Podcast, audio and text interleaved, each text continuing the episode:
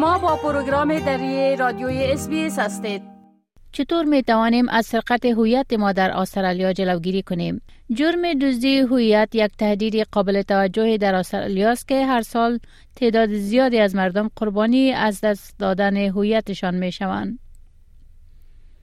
قربانیان فریبکاری های هویت عموماً با عواقب جدی از جمله زیان های مالی آسیب به ذخیره نمرات اعتباریشان مواجه می شوند. اما مراحل وجود دارد که شما می توانید برای کاهش خطر از دست دادن هویت شخصی تان با آن توجه کنید. جرم فریبکاری هویت نگرانی رو به افزایش در استرالیا است. این باعث خسارات مالی قابل توجه به حکومت استرالیا و افراد می شود. دانستن اینکه چگونه سرقت هویت رخ می دهد می تواند به شما کمک کند تا از اطلاعات شخصی خود محافظت کنید و خطرات آن را کاهش دهید. دکتر سورانگا سونیرتن استاد دانشگاه علوم کامپیوتری دانشگاه سیدنی است.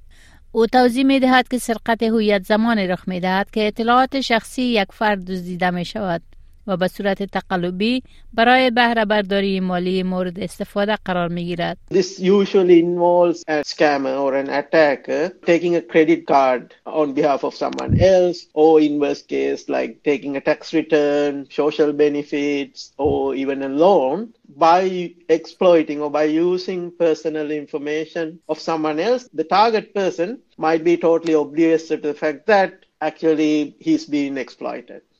بر اساس گزارش اداره حفاظت از فریبکاری Scamwatch کمیسیون Australian Competition and Consumer یا ACCC حکومت استرالیا در سال 2022 مبلغ 568 میلیون دلار از درک سرقت هویت متضرر شده است. این رقم نشان دهنده تقریبا افزایش 80 درصدی از زیانهای گزارش شده در سال قبل است که فقط بیش از 320 میلیون دلار بود. با توجه به تعداد قربانیان جلکاری ایشان اغلب تلفات از این ناحیه را به مقامات گزارش نمی دهند. کارشناسان بر این باورند که این آمار ممکن است به طور قابل توجه بیشتر باشد. راه های زیادی وجود دارد که سرقت هویت می تواند رخ دهد. برخی از روش های به سرقت بردن ها شامل phishing، scamming، هک کردن و امثال آن است. سرقت هویت می تواند به صورت آنلاین یا آفلاین یا ترکیبی از هر دو باشد. کاتریونا لو معاون رئیس ACCC می گوید حتی اطلاعات کم‌ارزشتر هم می تواند برای جعلکاران مفید باشد.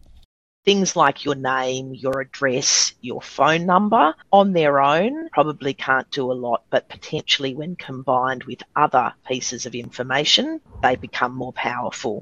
There are identity documents that are particularly sought after. So the ones to be particularly careful about are driver's license, passport and Medicare card. But even simple documents like old bills or bank statements can still provide some valuable information. سرقت کنندگان هویت ممکن است بتوانند اطلاعات بیشتری در مورد شما از منابع عمومی پیدا کنند. دکتر لو می‌گوید این شامل دسترسی به حساب های رسانه های اجتماعی است که ممکن است عکس ها و اطلاعات مربوط به خانواده شما را نشان دهد. ما تجربه کرده ایم که جلکاران ممکن است عکس هایی را از یک منبع رسانه اجتماعی که دوباره می تواند مورد استفاده قرار گیرد می گیرند و با ایجاد تصویر جعلی به دیگر معلومات هویتی استفاده می کنند. بنابراین پیام واقعی این است که در مورد به اشتراک گذاری اطلاعات شخصی بسیار مراقب باشید. پس مجرمان سایبری وقتی این اطلاعات را به دست میارند چی کار می توانند انجام دهند؟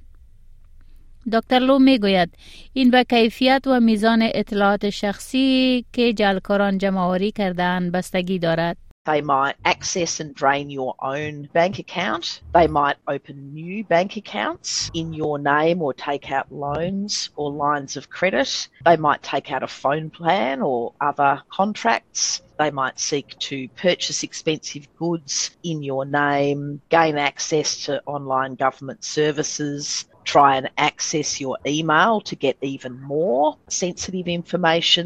They might access your social media account and impersonate you, or indeed they might use that identity as the foundation of new scams.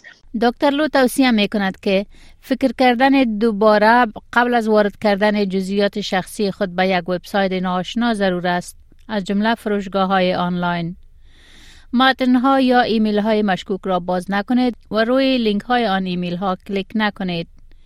ایمیل ها یا متن را حذف کنید. اگر تماسی از یک اداره رسمی دریافت کرده اید و شک دارید که آیا واقعی است یا نه از جزئیات متن یا پیام استفاده نکنید. به طور مستقل با آن اداره خودتان تماس گیرید. سارا کوینا مسئول توسعه اداره آیدی کیر هویت ملی استرالیا و نیوزیلند و خدمات حفاظت سایبری است. او توصیه می کند که مراقب تماس های تلفنی که درخواست اطلاعات شخصی شما را می کند باشید. Being very wary of callers or emails requesting that you provide remote access to your computer or mobile device and also request to download apps or programs on your computer in order to provide them access. Always be cautious when providing any of your personal information, especially if it includes your credentials such as your driver license, passport, Medicare, or bank login details. You want to be absolutely certain that you verified that the person is who they say that they are. خانم کوانا همچنین پیشنهاد می کند که اسناد شخصی را چی در خانه و چی در هنگام سفر مسئول نگه دارید. صندوق پستیتان را قفل کنید و اسناد حاوی اطلاعات شخصیتان را که دیگر نیاز به آن ندارید از بین ببرید. همچنین مهم است که رمزهای عبور یا پاسوردهای قوی و منحصر به فرد برای هر حساب آنلاینتان داشته باشید. اما چگونه می توانید مطمئن شوید که آیا هویت شما دزدی شده است یا نه؟ بیشتر قربانیان سرقت هویت از چگونگی به خطر افتادن از این درک به اطلاع هستند. خانم کوانا می گوید مهم این است که هوشیار بمانید و مراقب نشانه های از سوی استفاده از هویت خود باشید. Mail stops arriving at their address that they may be expecting. There's items appearing on their bank or credit card statements that they didn't authorize or they don't recognize. Individuals can start to receive bills, invoices, or receipts for goods or services that they did not action.